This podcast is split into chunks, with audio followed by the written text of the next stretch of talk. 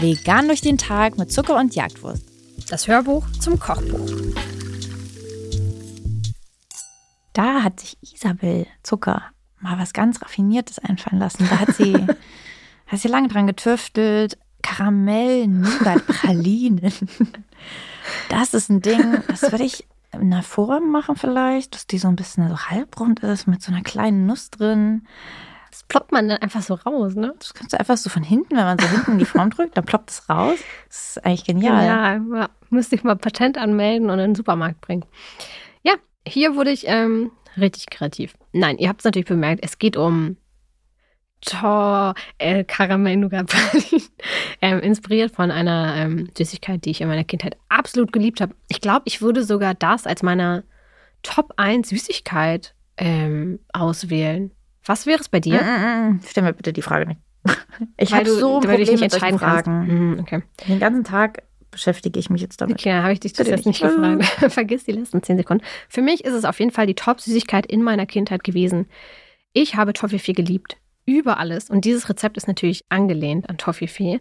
Ähm, habt ihr sicherlich schon auf, auf dem Bild entdeckt. Ungefähr das halbe Snack-Kapitel sind Copycat-Rezepte. Ah ja, weil ich das aber auch so gemein finde, dass man durch den Supermarkt geht und man sieht reihenweise Süßigkeiten, die man geliebt hat und die wenigsten davon sind vegan. Also mit Oreo-Keksen gibt es zwar eine wenige oder eine Manna-Waffeln oder es gibt ein paar Sachen, aber im Endeffekt denkt man sich, Alter, dieses ganze Regal ist voll mit Süßigkeiten und ich es sind viele so Sachen vegan. daran gemein, weil ich finde es nicht nur gemein, dass es jetzt nichts vegan, also keine vegane Edition davon gibt, sondern dass es jetzt so viel geile Editionen gibt, weil Milchschokolade ist meine unliebste Schokolade. Boah, ich, ich mag Zartbitterschokolade mehr mhm. und ich mochte früher auch weiße Schokolade mehr. Deswegen mhm. es ist es auch immer ein Stich ins Herz, jetzt zu sehen, dass es von allen Sachen auf einmal Zartbitter-Editionen gibt, die weiße Schokoladen-Edition. Aber ich finde, nach denen kommt oft noch bei Firmen bei großer Art noch eine frische Maracuja Sommeredition, hm. eine Kokosedition, aber dann kommt meistens mittlerweile die vegane Edition. Ja. Das heißt, gibt es aktuell schon Kokosvarianten von Toffifee? Falls ja, dann haben wir vielleicht Level 5 schon erreicht und dann kommt als nächstes die vegane.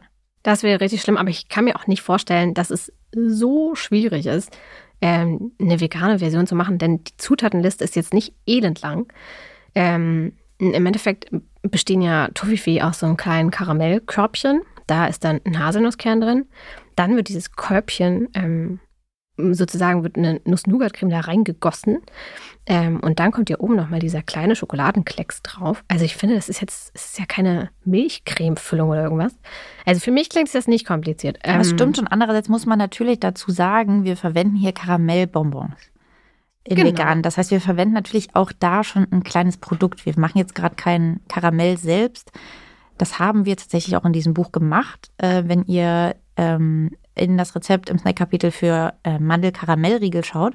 Aber dieses Karamell würde nicht funktionieren. Nee, ich habe ja, ähm, als ich angefangen habe, damit äh, dieses Rezept zu bauen, habe ich das ja selber gemacht. Aber es ist wirklich eine ultra schwierige ähm, Aufgabe, diese Karamellköpfchen so hinzubekommen, dass sie nicht zu flüssig sind, weil sie müssen ja richtig formbar sein. Also ne, wir haben ja hierfür eine Silikonform genommen. Da haben wir dann die, da gibt man ja dann das Karamell rein und drückt das mit dem Finger so an, dass sozusagen sich das Karamell an die Wand von ähm, der Silikonform legt und so ein kleines Körbchen dann eben entsteht. Und Dafür muss es formbar sein. Es darf aber auch nicht hart werden. Wir wollen ja nicht irgendwie einen Knusperkorb haben, sondern es muss ja weich bleiben. Es darf aber auch nicht zu flüssig sein, damit das Ganze nicht hält. Also diese Konsistenz so hinzubekommen, dass es auch nicht austrocknet mit der Zeit und trocken wird, ne, weil wir, hm, wir verpacken die ja jetzt nicht luftdicht, ähm, ist wirklich ziemlich schwierig. Deshalb haben wir so einen kleinen Shortcut genommen und haben äh, vegane Karamellbonbons genommen. Die findet man im Supermarkt, die findet ihr online und die sind halt super, weil ne, ihr kennt ja diese Karamellbonbons, die bleiben weich. Ähm, und die schmelzen wir einmal ein, damit wir sie formen können und dann werden sie einfach wieder fest. Das heißt, wir haben im Endeffekt einen Karamellbonbon einfach in eine andere Form gebracht und den dann gefüllt. Und das ist die ähm, große Zauberei dahinter. Bei der veganen Nuss-Nougat-Creme haben wir einfach einen Schoko, also wie so einen Aufstrich genommen, den ihr euch auch auf ein Brot schmieren könntet. Ähm, und das funktioniert tatsächlich äh, ganz gut, weil auch das könnt ihr erwärmen, dann wird es ein bisschen flüssiger, dann könnt ihr das da reingießen, dann wird es wieder fest. Also das ganze Rezept ist viel ähm, Sachen schmelzen irgendwo reingießen, warten, das nächste schmelzen, da reingießen und wieder warten. Am Ende kommt die Schokolade rauf, da wartet man dann wieder und dann ist es fertig. Also es sind viele Wartezeiten. Aber so richtig kompliziert ist es nicht. Ich habe noch eine Frage zum mhm. Schluss. Ähm, wie isst du Karamell-Nougat-Pralinen? Ähm, genauso wie man es auf dem Bild sieht. Ich weiß, dass es Leute gibt, die knabbern diesen Schokoklecks oben ab. Aber ich würde immer halbieren, weil ich will immer den ähm, Schnitt sehen. Ich will immer die halbe Haselnuss ähm, sehen, wie sie da drin liegt. Wie würdest du es da machen? Ich knabber den Schokoladenkern. Ah, okay. Ähm, ja, ich zerlege das in alle Bestandteile. So habe ich es auch früher als Kind gegessen, als ich noch die Originale gegessen habe. So würde ich es auch da machen. Ich habe allerdings gemerkt, ich habe wirklich bei so gut wie allen Süßigkeiten dieser Art eine eigene Art, wie ich das esse. Und es ist selten eben so, dass ich einfach nur reinbeiße. Ich glaube, ich habe noch nie alle Komponenten zusammengegessen. Nee, das stimmt schon nicht. Äh, ich habe wahrscheinlich die einfach so im Ganzen gegessen, aber so abgebissen, glaube ich, habe ich noch nie eine, wie nennst du es? Ähm, Karamell. Nougat-Praline.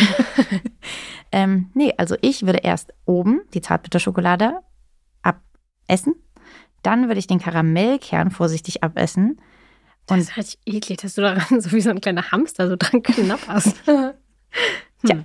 oder ein Skill einfach. äh, und dann würde ich versuchen, sozusagen trotzdem immer noch erst die Nuss-Nougat-Schokolade zu schmelzen und dann ganz am Ende den, die Haselnuss zu essen.